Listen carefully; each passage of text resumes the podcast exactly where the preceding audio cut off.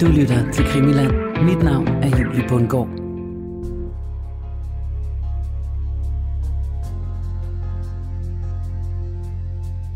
Det startede med en fornemmelse.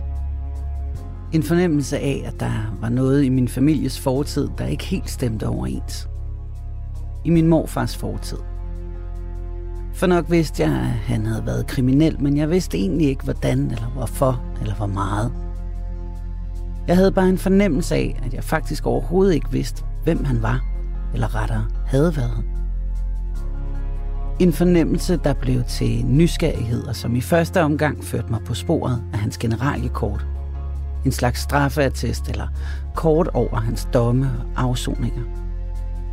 Og nu lå generaliekortet her i min mailbox.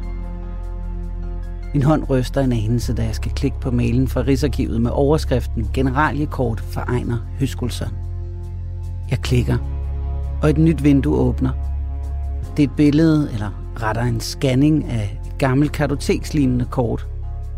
Der er skrevet på det, både med sirlig skråskrift nogle steder og andre steder maskinskrevet. Der står årstal, datoer, domme, strafudmålinger, afsoningssteder, og der er mange. Mange flere, end jeg umiddelbart havde regnet med. Og de fleste er koncentreret omkring årene efter krigen. Jeg læser hurtigt og flagtende. Dom for bedrageri, dom for overtrædelse af 12-loven, afsonet i Nyborg statsfængsel, dom for hæleri. Hvad er det her for noget?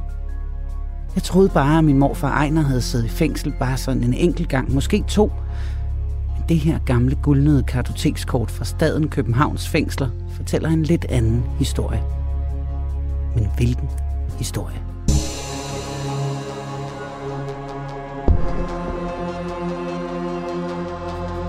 Velkommen indenfor her i Krimiland til det, der forløbig bliver det sidste afsnit i serien om æderkoppen og min morfar. Min morfar, Røde Ejner. Det var hele Røde Ejners lettere dunkle fortid, der blev den fiskekrog, der for et halvt års tid siden halede mig ind i en verden af sortbørsgangster, værnemager, bedragere og korrupte politifolk, og som vi nu har endevendt gennem de sidste nogle 30 afsnit. I det her sidste afsnit af serien, der vil jeg forsøge at samle lidt op i forhold til min egen personlige historie og oplevelse med at grave ned i min morfars fortid og det miljø og de mennesker, der florerede omkring ham. Men jeg er ikke den eneste, som er blevet nysgerrig på fortiden, for i det her afsnit, der kommer du også til at møde andre efterkommere af nogle af de markante personligheder, som også befandt sig i æderkopspindet, der udgjorde blandt andet den sorte børs, og som trak tråde ind i den kriminelle underverden. Det her er 34. og forløbig sidste afsnit af Krimiland-serien Æderkoppen og min morfar. Et afsnit, vi kalder for Ejner og Æderkoppens epilog. Tænker du nogensinde over din fortid? Din families fortid? Hvor du kommer fra? Prøv lige at tænke over det puslespil af detaljer og tilfældigheder, der skulle passe sammen for, at du blev til. Mennesker, der skulle mødes til en fest i en kantinekø, eller måske bare ved et busstopsted. Forelskelser, der skulle opstå, og som ikke bare skulle ende godt, men som også gerne skulle sætte næste generation i verden. Din fortid er et kæmpe puslespil af mennesker og begivenheder, brækker, der skulle falde på plads, netop som de gjorde, for at du kan være i live lige her, lige nu. Jeg tænker tit på det, men ikke så længe ad gangen, for det føles hurtigt, som om mit hoved skal eksplodere. Det er tusind brækker, der skal passe sammen for at nå frem til resultatet. Mig. Men der er et område af mit puslespil, som har været helt mørkt. Nogle brækker, der har manglet for, at jeg kan lave et helt billede af mig selv og min familie. Det var de brækker, der kom fra min morfar. Røde egner. Og det var nysgerrigheden efter at vide, hvordan de brækker så ud, der for et halvt års tid siden kickstartede hele denne her programserie om æderkoppen og min morfar. Noget af det, der undrede mig til at starte med, var i lige så høj grad, hvorfor jeg vidste så lidt. Hvorfor var der ikke nogen, der havde talt om det? Hvorfor vidste min mor heller ikke noget? Hvorfor havde hun ikke spurgt? Og som du måske kan huske fra nogle af de første afsnit, så var hendes svar på det tidspunkt sådan her. Ja. Altså, jeg ved ikke hvorfor. Altså, alting er jo tysk-tysk i den tid. Øh, man taler jo ikke om... Altså, jeg talte ikke med min mor om sådan noget. Der må jo have været noget snak i kvarteret. Jamen, det var der ikke. Og jeg læste jo ikke aviser. Ja, det var en anden tid. Det hører man tit for tiden. Jeg har også hørt noget andet.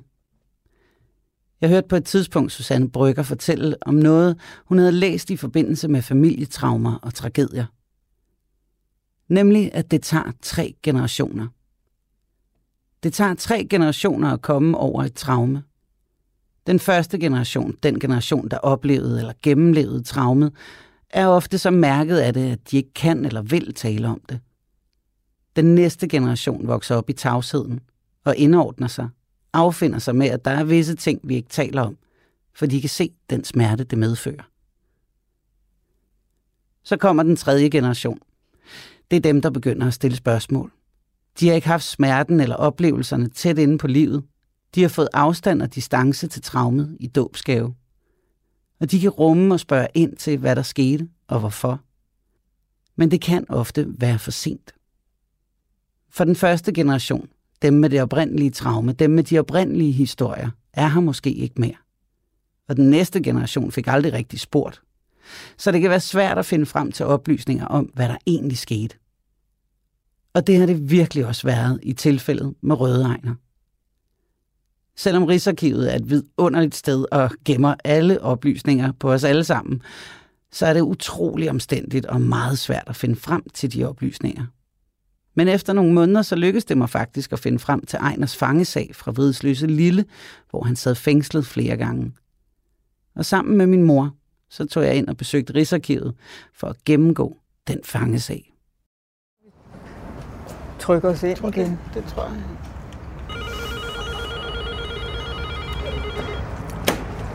Sådan, så fik vi lov at komme ind. Nu er vi inde. Fordi vi har optageudstyr med, så har vi fået en særlig aftale om at komme ind i et lokale separat fra selve Rigsarkivets læsesal, hvor vi får udleveret Ejners fangesag, som vi har fået at vide skulle fylde 50 sider. Men netop fordi vi er i et separat lokale, så skal der være en arkivar til stede hele tiden for at sikre sig, at vi ikke stjæler papirerne eller ødelægger noget af indholdet af sagen. Og da vi får præsenteret min morfars sag, så er det en forholdsvis stor sagsmappe. Der er mange papirer, det er svært at danne sig et umiddelbart overblik. Der er der ikke 50 sider der. Jeg ved ikke, hvordan 50 sider ser Jeg tror, jeg skal have brillerne på. Ved første øjekast, så virker det som om, at papirerne ligger hulter til bulter. Har anmodninger om udlevering af korrespondence til Ejner fra hans advokat. Der er en liste over det tøj og de ejendele, han har, da han er blevet indsat sidste gang i Vridsløse Lille. Den er i øvrigt ret bemærkelsesværdig. Det her det er, hvad han har haft med. Ja.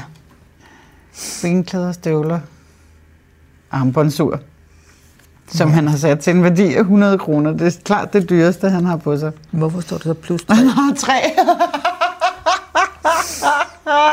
ja.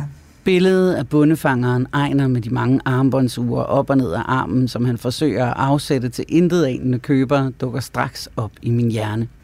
Tre armbåndsure. Hold kæft, mand. Jeg synes, det er ret sjovt, det der står om Ejner, men jeg kan også godt mærke, at min mor ikke er helt af samme opfattelse. Ja. Det er sådan en lidt mærkelig situation at sidde her i lokalet på Rigsarkivet og prøve at finde frem til historien om Ejner, mens vi konstant er overvåget af en arkivar, og min mor og jeg bliver lidt nervøse og læser hurtigt og overfladisk igennem sagen. Det er jo hele hans... Ja. For det starter i 34, ikke? Ja. 34 tyveri, 5 måneder. 34 tyveri, 9 måneder.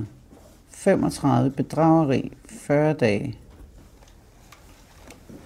Ulovlig omgang med varer i 36. Han har fået bøde. Og bøde igen. Så har han været fuld. Ulovlig omgang med varer. Ja, det er, når man sælger noget dyrere, ja. end man Ja, har lov til, ikke? Vil jeg tro. dem har han nogle stykker af. Ja. Og det er det, der sker igen i 44. Ja. Okay, Det er sjovt, det her, mor. Der står om, hvad han laver. Prøv at høre. Er beskæftiget ved skrædderiet og er flink ved dette arbejde. I fritiden passer han fuldstændig sig selv, og man mærker ham ikke. Deltager ikke i undervisning. Hans opførsel er tilfredsstillende. Han er noget af en særling. Han er beskæftiget på det udvendige bygningshold. Han er flink og villig ved arbejdet, men han har kun en ringe arbejdsevne. Men vi støder dog på enkelte opsigtsvækkende informationer, som jeg ikke var klar over. Hov. Børn i ægteskab 2, uden for ægteskab 1. Ja, Vidste du godt det? ja. Det er ham, den der bror. Som er yngre eller ældre end dig? Ja, det, det kan jeg ikke finde ud af. Hvad er det for en bror? Han blev dømt som far til den her søn, der blev født. Og, og, så, øh, og så blev hun gift med en konsul på Fyn, mm-hmm. og han blev adopteret den her dreng. Okay. Og når jeg går ind og kigger på, på den der familie, så står der, at de har en søn, der er født i 49. Så det må være i ægteskabet med min mor, han har fået. Altså, Ja, ja. så det forstår jeg ikke rigtigt. Jeg har altid troet, at det var før han mødte min mor. Det kan det jo ikke være, hvis det er en lillebror til dig. Nej, men, men jeg har bare troet, at han var en storbror. Nå, du troede, han Ja. var storbror. Okay. Okay, så Ejner havde simpelthen et barn uden for ægteskab.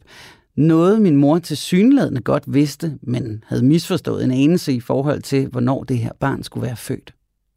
Vildt nok. Min mor har en halvbror. Jeg har en halvonkel, jeg ikke anede eksisterede, og det står lige her i min morfars fangesag. Kan vide, hvem det barn er? Om han stadig lever? Og gav vide, om han overhovedet ved, at Ejner var hans far. Det første møde her med Ejners fangesag kaster ikke meget mere af sig, og jeg tør heller ikke tage nogen billeder af sagen med min telefon, for jeg er faktisk ikke engang sikker på, om jeg må. Dog så kan jeg ikke rigtig styre det, da vi når til den sidste side i fangesagen. Vi skal næsten have kigget på den der bedrag, den her hælerisagen 46, bedragerisagen 47 og bedragerisagen 48. Ja. Og det samme i 50. Ja. Tyveri der, den ved jeg ikke, den behøver vi nok ikke. Nej, Eller og hvad? heller ikke bedrageri i 58. Det har ikke Men det er sjovt. Der er. Gud. Nej.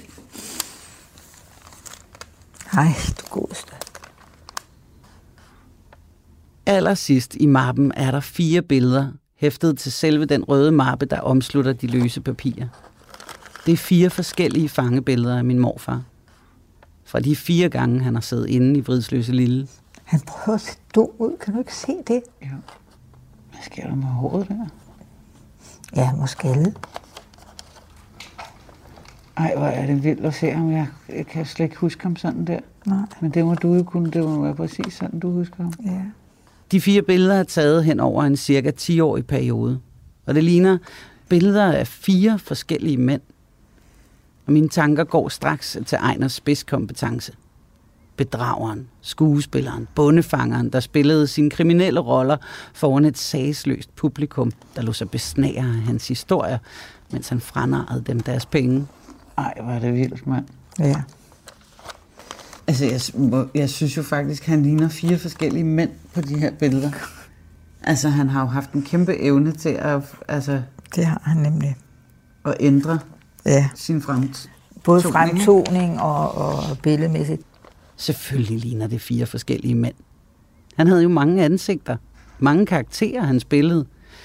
Jeg fisker hurtigt mobilen frem og tager et billede af dem hver, inden min mor og jeg pakker sammen og siger tak for kiggen.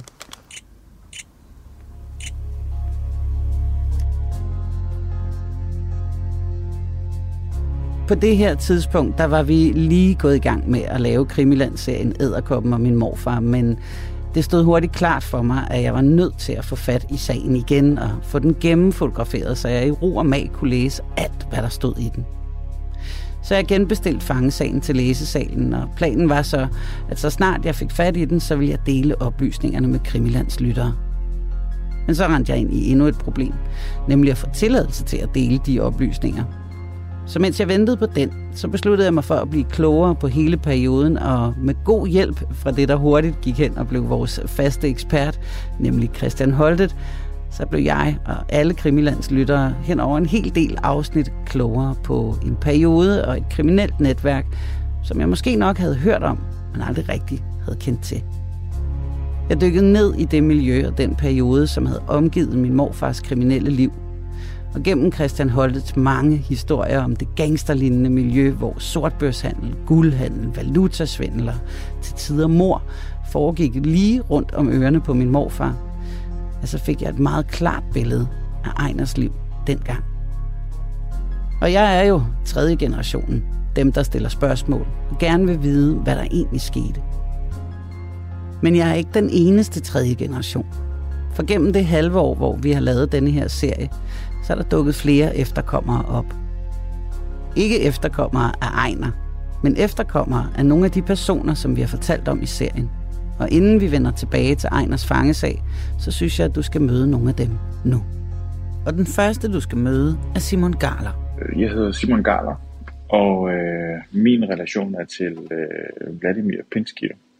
Øh, jamen, det er min øh, farmors far.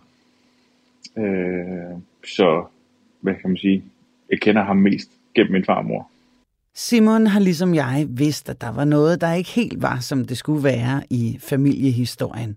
Men selve det uopklarede mor på Vladimir Pinsky, det er der sjældent blevet snakket om. Så da Simon hørte afsnittet om sin farmors bror, kontaktede han Krimiland.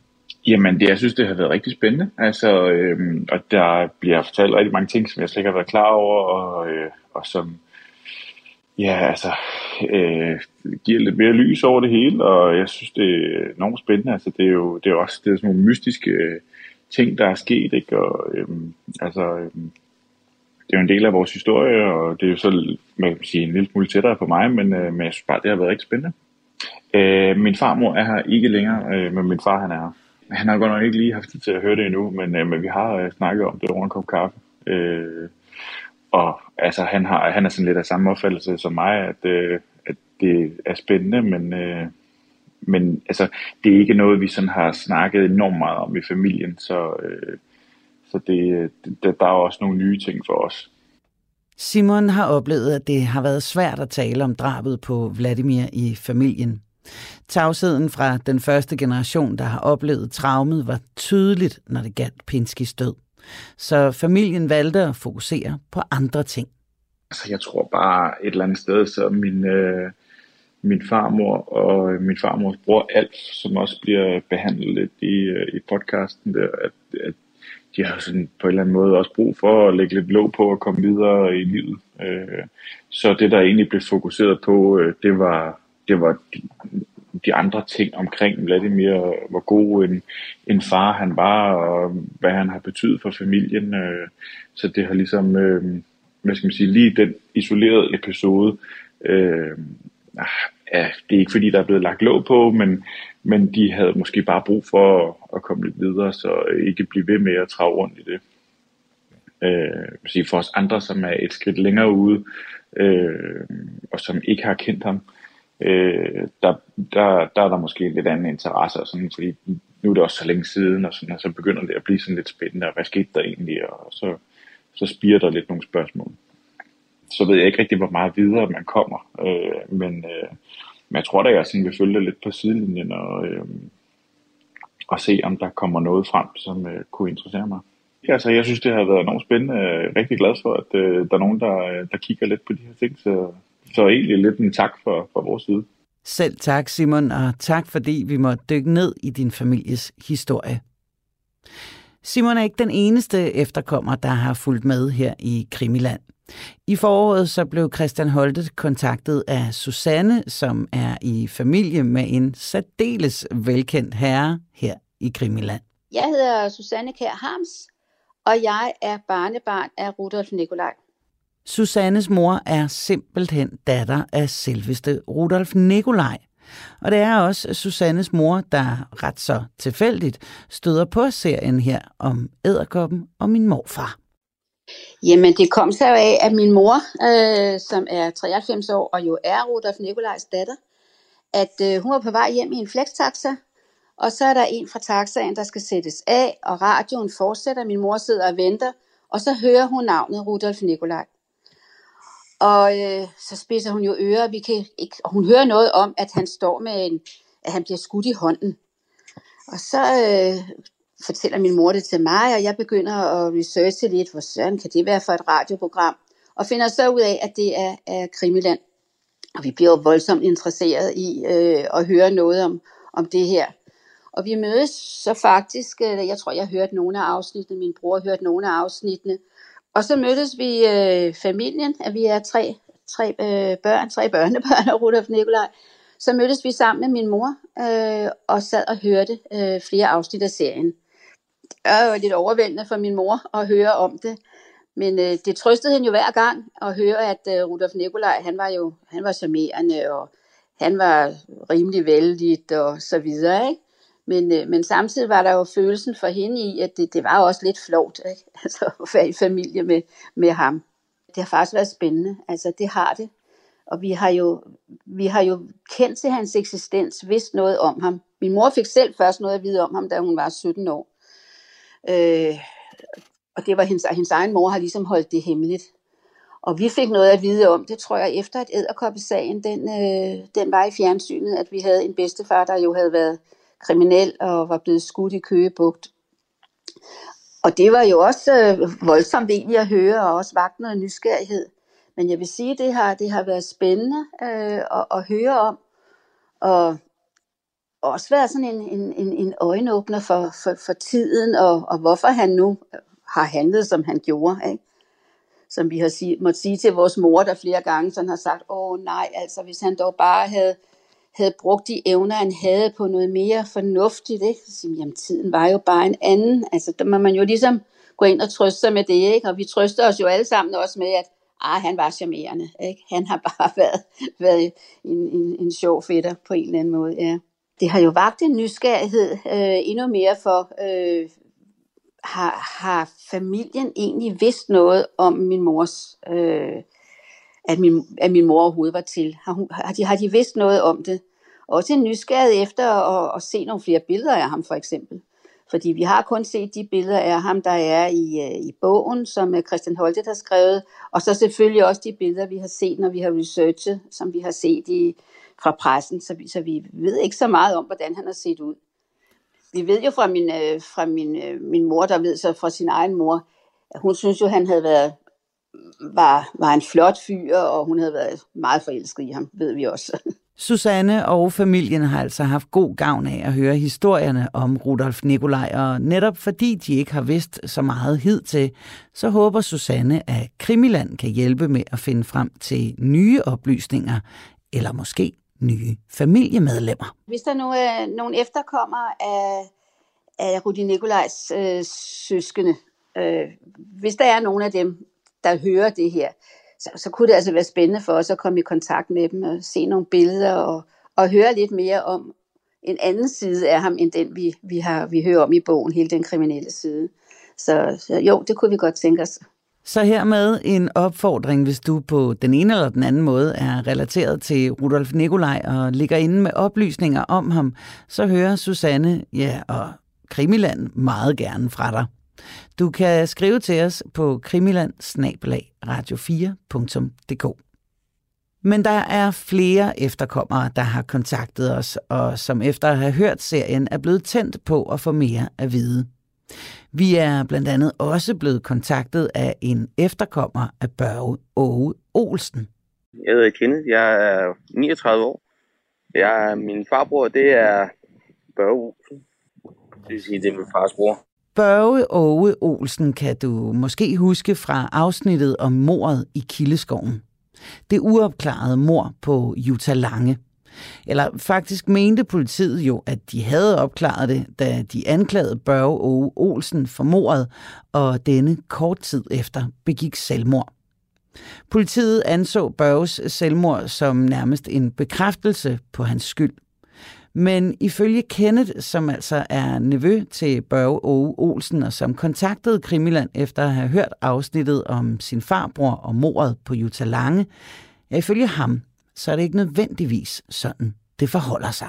Det tænker jeg, det lyder sgu da spændende. Det, det vil jeg godt prøve at dykke lidt ned i. Især når jeg hørte det sammen med min far nemlig. Og så, så begyndte han på, at øh, han havde fået at vide, at det måtte vi aldrig røre ved. Og da han hørte det, så sad han der, det er løgn, det er løgn, det der, det er løgn. Og så fortalte han, at øh, en uge inden han øh, begik selvmord i sin celle, så var min farmor over og snakke med ham, og han glædede sig til at blive løsladt. Så tænkte jeg, okay, så prøver vi at pille lidt i det. Jeg fik øh, hjælp af Christian, tror jeg det var, han hedder.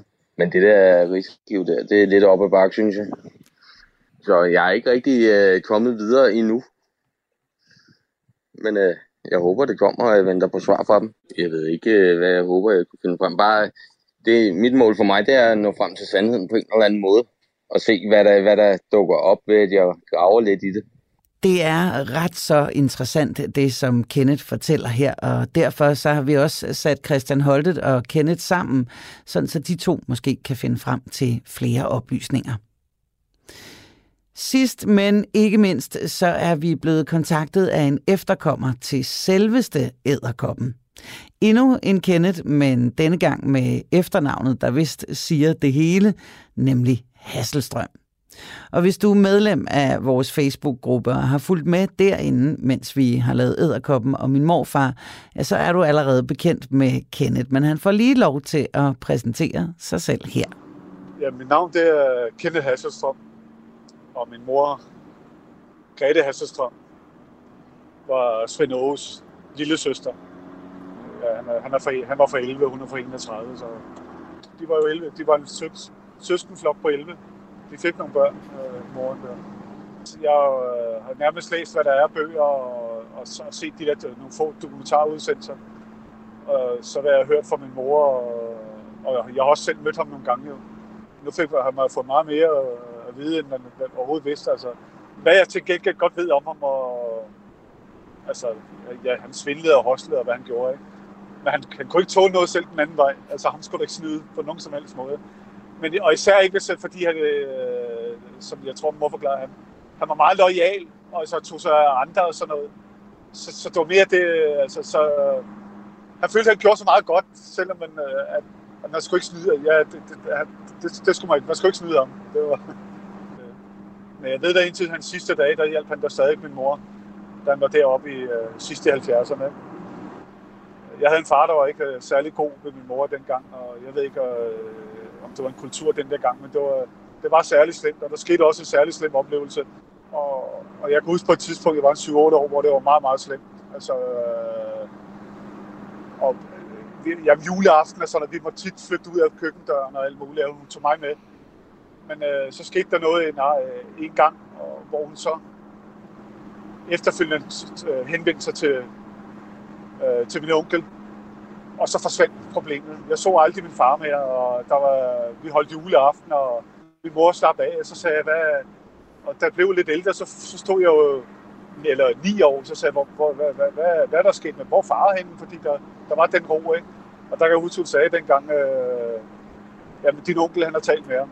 Så hun bare, øh, så sagde hold nok, det var en fantastisk mand, ham der, han fik ham væk for min mor. Men øh, når man så ved, hvad for en fyr senere efter, så øh, jeg har set mødt min far efter, mange, mange år, så han er ikke forsvundet på den måde, men, men han kommer aldrig mere, så, så han kunne vel lidt andet, kan man sige. Han, han fik min far væk i hvert fald ud af billedet. Kenneth husker altså Svend Åge Hasselstrøm som det, vi også har beskrevet en del gange. En mand, der hjalp sit bagland og tog sig af dem, han havde tæt på. Og Kenneth husker især, at Svend Aage sørgede for, at Kenneths far, som ikke var sønderlig flink ved Kenneths mor, holdt sig væk.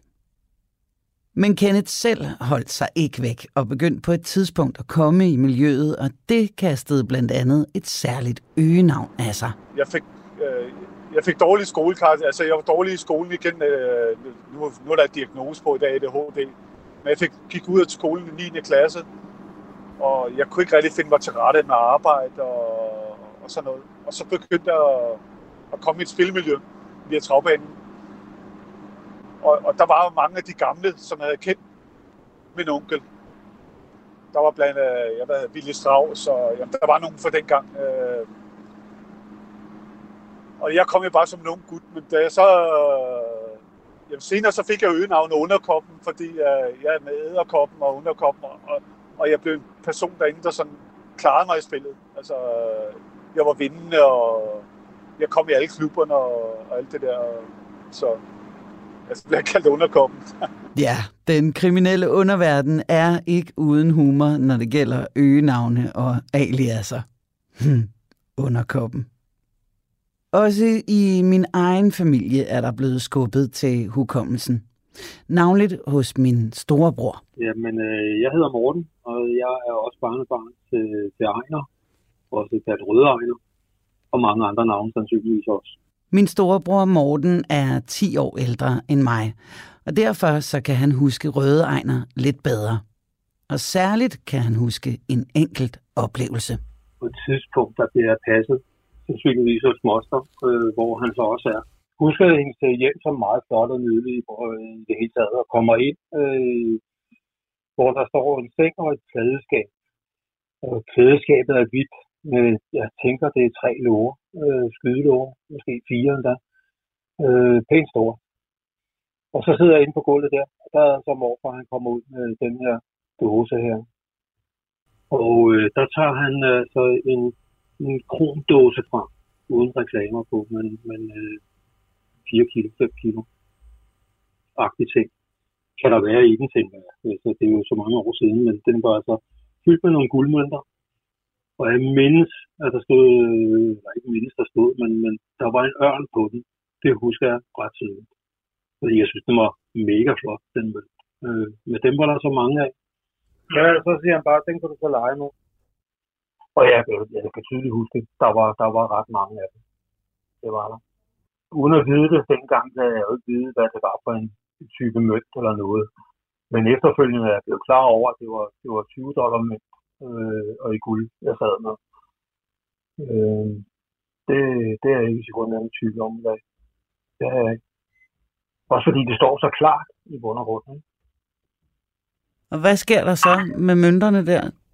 Hvor længe sidder du og leger med dem? Jamen, maks 10 minutter, tror jeg. Det er ikke ret lang tid, fordi så kommer moster ind ad døren, og så siger han, den må du kraftedeme ikke lege med. Hvorfor har du givet om dem? Og så får jeg noget andet, og jeg har syge klemmer.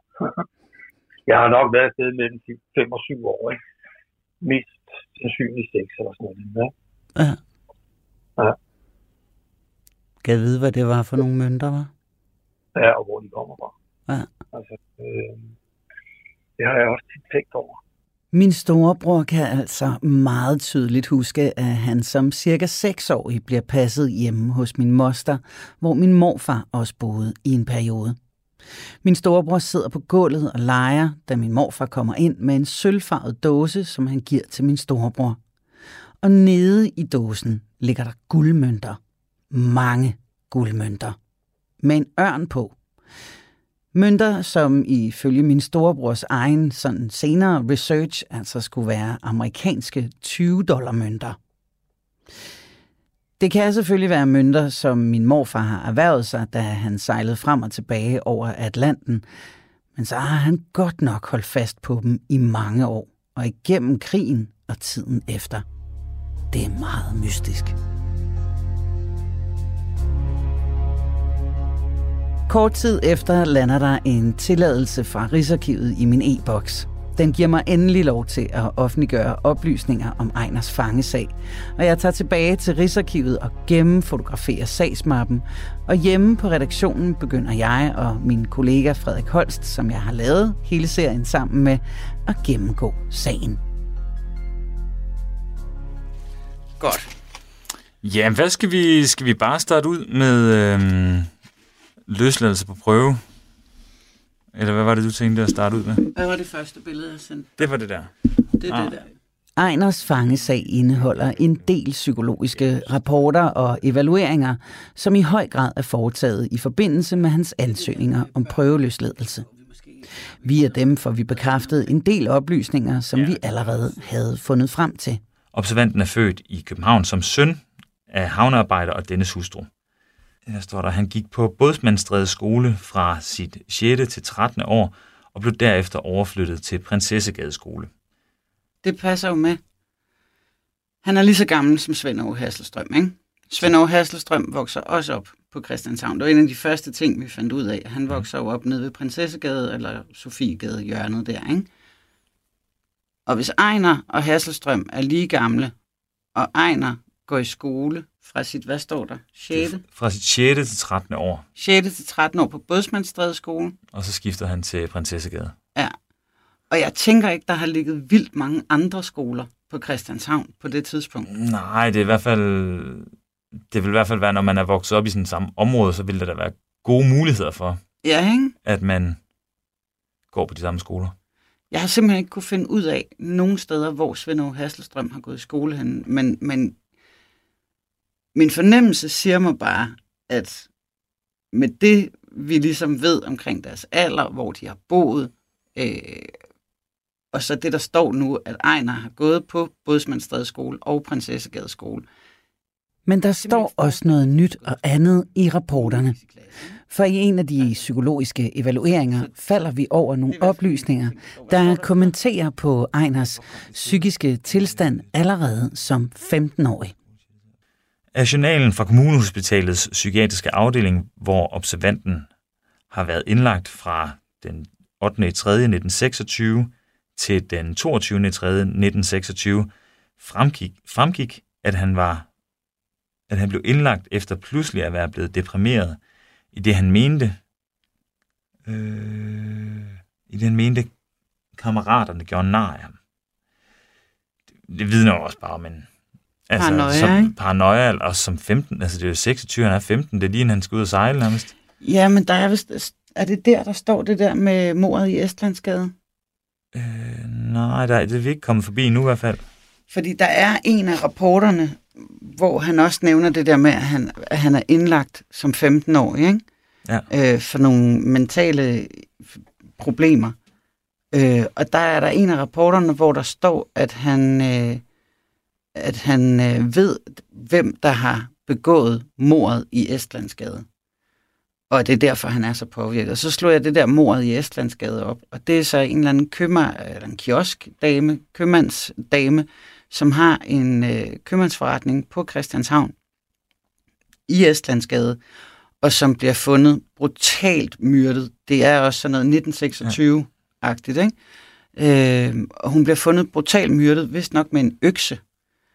Øh, og lad os nu bare lige antage, at han taler sandt, at han har vidst noget om det der. Og du er 15 år gammel, og du ved måske, hvem der har gjort det, eller har set noget. Det er jo rigeligt til at få et nervesambrud. Ja, ja, det mærker det en. Og så lad os antage, at han overhovedet ikke har set noget. Det er bare en af Ejners historier fra de varme lande. Så er det bare en rimelig udspekuleret en at gå lige tilbage til, da man var 15 år, og et eller andet mor i Estlandsgade og, og noget. Ikke? Øhm, hun var i øvrigt hende der fra Estlandsgade. Altså så nærmest datidens svar på Hasselstrøm. Hun lånte penge ud til total Ah. overrenter og alt muligt, og gik og flashede alle sine Ja. øh, mange ringe og sådan noget. Ikke? Øhm, og, og derfor, der, det jeg læste om sagen, det var så, at, at man mente også, det var derfor, hun var blevet myrdet, ikke? At det var sådan, altså rovmor, decideret. Ja. Ja. Ikke? Fordi man vidste, hun havde mange penge. Ja, det står, det står faktisk også her. Det der yderligere fortalte han, at han havde set morderen fra Estlandsgade og ville melde ham. Så det var mm-hmm. der, det Mhm. stod. Øh, Jeg kan lige prøve at kigge igen på det der mordet i Estlandsgade, fordi Ja. der er bare noget, der tyder på, at han har været bange allerede der, ikke? Og det er måske også derfor, han tager ud og sejler. Han ved simpelthen for meget om nogen. Men hvem nogen? Ja, det er en lidt mærkelig historie, det her med mordet i Estlandsgade, men det kunne godt være, at det var en sag, jeg skulle kigge lidt nærmere på. Men efter Ejners indlæggelse, så kommer han ud og sejle og krydser Atlanten flere gange, blandt andet på skibet Hellig Olav. Og det gør han muligvis øh, sammen med Christian Hasselstrøm, der i hvert fald sejler i samme periode, også frem og tilbage over Atlanten. Da Ejner kommer hjem efter at have været ude og sejle, står der igen noget interessant i en af de psykologiske rapporter. hvad står der så? Så står der... Øh, han fik derefter plads på lageret i et stort møbelfirma, I et what? I et stort, mø- mø- i et stort møbelfirma. Okay. Så han tager ud og sejle, og så får han arbejde som lagermedarbejder i en stor møbelhandler. Altså, man kunne, altså det, der er jo selvfølgelig flere møbelhandlere, Ja. men man kunne, godt, man kunne godt stadig tænke sig, at han er der alligevel. Står der, øh, hvor han er, et, øh, hvor han var et par år, indtil han i 1932 blev indkaldt som soldat. Mm. Jeg gad virkelig godt vide, hvad det var for en møbelhandler, Ejner arbejdede for, inden han blev indkaldt til hæren. Og det er vist nok netop her i hæren, at det så småt begynder at gå galt for Ejner. For jeg ved fra min mor, at han bliver smidt ud af hæren, da han kommer op og slås. Herefter har han kun en enkelt dom eller to før krigen, som er endt med afsoning, men han har altså også en hel del forhold, som er endt med bøde. Mange af dem omhandler ulovlig omgang med varer, hæleri og tyveri. Der står, observanten blev i 1934 idømt 9 måneders fængsel for indbrud. Han har derefter haft 13 sager for ulovlig, ulovlig omløben med varer. Det er en anden, altså det er jo Mm. ikke øh, omgang, men, men det er jo selvfølgelig øh, sikkert prissvindel. Same, same, ikke? Same, same, præcis. Omløb med varer, beruselse, gadeorden, hotelbedrageri, de fleste, de fleste sluttede med bøder, en enkelt dog med fængsel. 40, 40 dage. Det vil sige, at han har en masse ting før krigen, hvor ja. han altså begynder på sin kriminelle løbebane og får en del øh, betinget, Betinget og bøder, og bøder, ja. og sådan noget, og så en enkelt fængselsstraf, ikke? Ja. Og det giver vel også meget god mening der, hvis, øh, hvis man tænker, at ulovlig omgang, eller ulovlig omløb med varer, at man slår hårdt ned på det under og efter krigen, at han så har kunnet slippe med, med bøder og betinget domme. Men vi har jo hørt om prisinspektører ja. i, i, Jamen, lige præcis. i, i en lang pærevælling, ikke? Altså, så, så man har jo været super striks på det der med at sælge ting til de rigtige priser og sådan noget. Så selvom han, det kan jo også godt, så kan han jo godt måske have været sådan en, en handelsmand, der bare gerne lige vil tjene lidt ekstra. Men det er bare ikke helt min fornemmelse. Altså. Nej, ikke, ikke, ikke helt. Ikke når, man, ikke, ikke når man også ved, at han har svindlet med mark, og han har... Ja, med tyske marker, øh, det der. Ikke? ja. Jeg, jeg må også bare hele det her med, altså hele det miljø, han befinder sig i, ikke? og hele øh, tiden. Altså. Skal vi tage, skal vi tage den videre? Mm. Vi læser videre, at Ejner bliver gift med en islandsk kvinde, men også at han bliver skilt bare et års tid efter. Og i 1943 møder han så min mormor, og de bliver gift og får deres første barn kort efter. Min egen mor kommer til verden i december 1945, og kort efter i marts 1946, så bliver Ejner anholdt og får en dom på et år og tre måneder for hæleri, som han afsoner i Nyborg statsfængsel. I fangesagen står der noget ganske interessant, som min mormor har udtalt om øh, den afsoning i 46. Det står i en af de psykologiske rapporter om Ejner, en rapport, som er foretaget i 1947, da han igen er tilbage i fængslet, denne gang for at afzone en dom for bedrageri på halvandet år. Observantens hustru har oplyst, at han efter, efter den sidste løsladelse er fuldstændig forandret.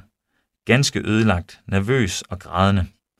Hun mente, at han havde taget, taget forskellige medicamenter for at stramme sig an. Selvom hun aldrig har set ham gøre det. Det er også lidt interessant, ikke?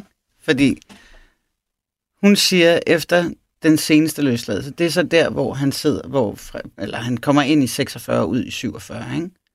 Er det, det, det, Jo, må, det være må være den, den. Hun, hun ligesom hentyder til. Og der siger hun, at han er en ændret mand bagefter. Og at hun mistænker ham for at have taget medicamenter. Og med det, vi ved nu, Frederik, om den periode og det miljø, altså der florerede jo stoffer. Det gjorde der også, det der med lige øh, vendingen stramme sig an. Ja, Altså, han har haft noget mikro... Hvad var det? Mikodrin? Ja. Er det ikke det, de to? Jo, det er det. Vitaminlignende noget, de Ja. to. Og som jo også kan give nogle kæmpe altså, psykiske bagslag, ikke? Altså, Ja. og, og, altså tvangstanker og alt muligt. Ikke? Fordi jo mere man læser ind i de der psykologiske rapporter, også hen over årene, altså han bliver jo mere og mere sølle. Øh, og han bliver mere og mere nervøs anlagt, og han får større og større hang til depression. Der er en af de der psykologiske rapporter, hvor der faktisk også står, at han er selvmordstruet. Ikke? Øh, men at han ikke, øh, det der holder ham tilbage, er tanken om børnene. Ja. Øh, om min mor, ikke? Øh, altså, han har jo haft det røv dårligt. Han har haft det dårligt, han har, han har, han har haft det dårligt, og han har fået det Værre. dårligere og værre. Mm. Der begynder via de psykologiske rapporter at tegne sig et billede af, at Ejner har haft det rigtig svært psykisk. Han lader i hvert fald til at være deprimeret og betegner ifølge rapporten sig selv som melankolsk.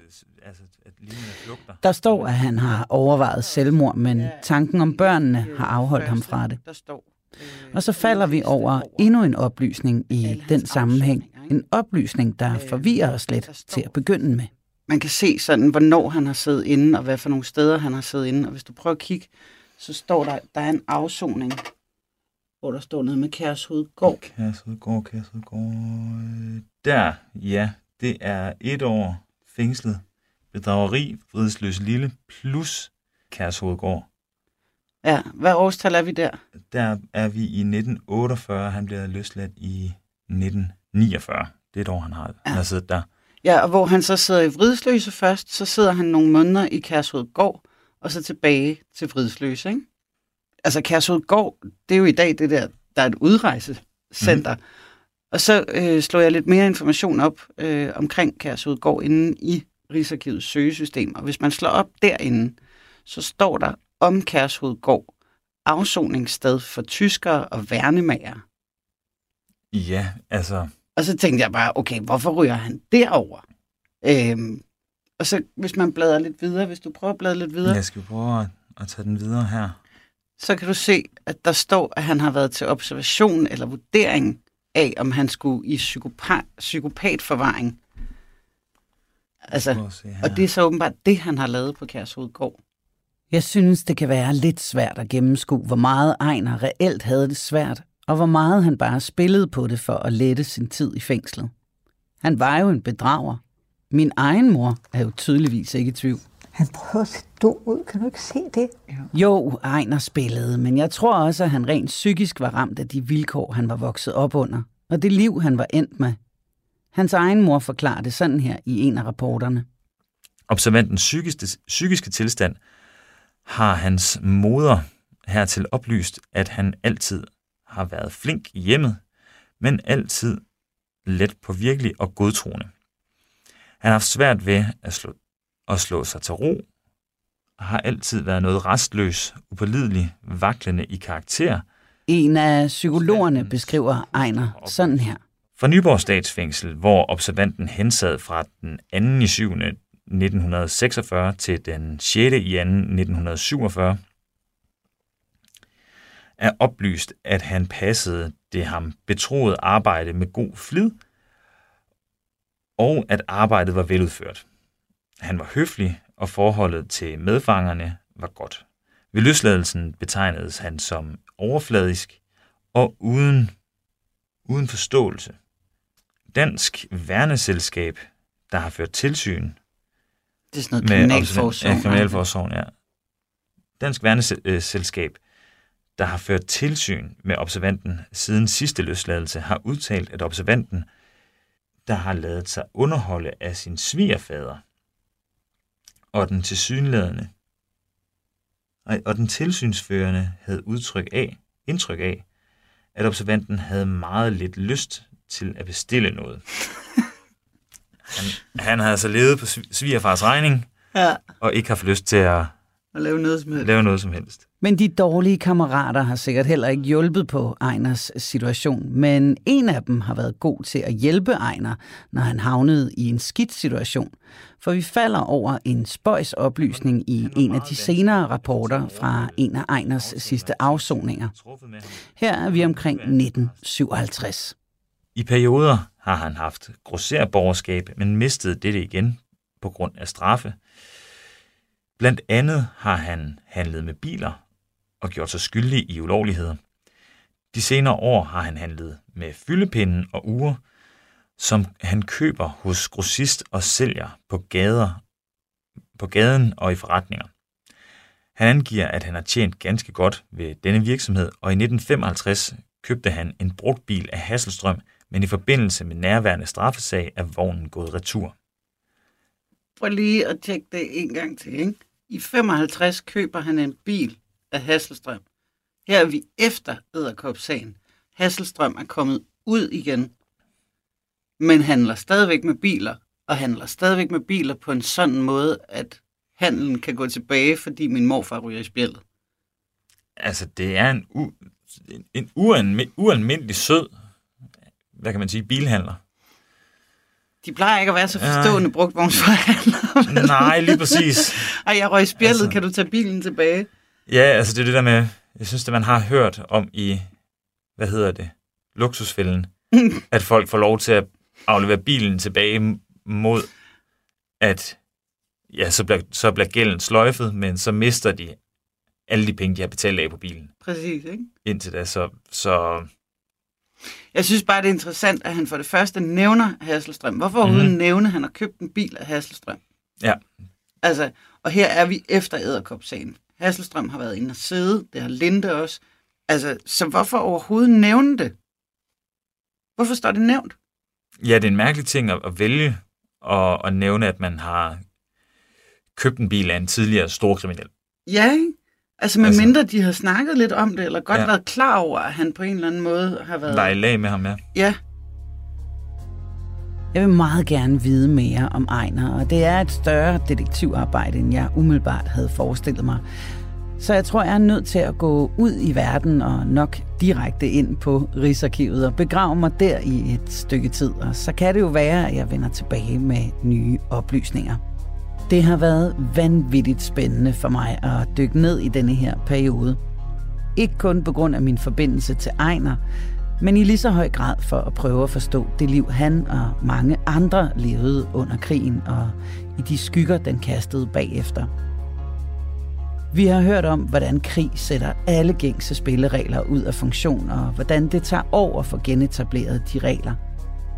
Hvordan regelrette politifolk, muligvis traumatiseret af ophold i koncentrationslejre, drak tankerne og moralen væk.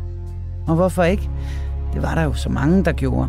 Nogle gange også deres egne chefer. Vi har hørt om, hvordan i særdeleshed København udviklede en kriminel underverden, hvor der blev handlet og svindlet med alt fra guld og diamanter til tørv og tæpper. Og vi har hørt om, hvordan de handler havde menneskelige omkostninger, nogle gange den højeste pris, nemlig livet. Og vi har også hørt, hvordan de begivenheder blev begravet i tavshed. Både hos de involverede, men ofte også hos de efterladte. Så for at vende tilbage til nogle af de spørgsmål og tanker, jeg gjorde mig i begyndelsen af det her afsnit omkring min families fortid, så vil jeg slutte af med noget, man vel kan kalde en opfordring. For er der noget, som denne her serie har givet mig, udover en forståelse af min egen families historie, så er det en bekræftelse på, hvor vigtigt det er, at vi kender den fortid og historierne. Om vores egne familier, vores bedsteforældre og oldeforældre, om deres historie – og om hvor vigtigt det er at få fortalt de historier, og måske kunne se dem i et nyt lys, eller i hvert fald igennem nogle andre briller. En slags tredje generations briller. Du ved, os tredje generationen, som ikke er bange for at stille spørgsmålene og tage os tid til at høre svarene. Og helst mens tid er, for de oprindelige vidner er ved at være væk, så vi kan kun prøve at finde svarene i arkiverne. Så det vil jeg gøre nu, og hvem ved, måske vender jeg tilbage med nogle svar og flere gode historier. Og hvis jeg gør, så lover jeg at tage vores ekspert Christian Holtet med igen. Så her slutter altså Krimiland-serien Æderkoppen og min morfar, i hvert fald for denne gang. I næste uge så tager Frederik Holst og Anders Oris over og bringer der nye oplysninger i Palmesagen. Og det fortsætter de sådan set med hen over sommeren. Mit navn er Julie Bundgaard, og jeg har sammen med Frederik Holst tilrettelagt serien Æderkoppen og min morfar. En serie, som er produceret af Wingman Media for Radio 4. Her til sidst, så vil jeg bare sige en kæmpe stor tak til vores ekspert Christian Holtet, som har hjulpet os hele vejen igennem serien. Jeg skulle hilse fra Christian og sige, at øh, han er tilbage i arkiverne og leder efter flere informationer i sagen, der stadig den dag i dag fascinerer mange af os, nemlig Æderkop-sagen. Og hvis du ikke øh, kan vente på flere historier, så kan jeg kun anbefale, at du øh, tager ind forbi Christians hjemmeside dobbeltdanmark.dk. Til sidst, men absolut ikke mindst, så vil jeg bare sige den allerstørste tak til dig, for at du lyttede med.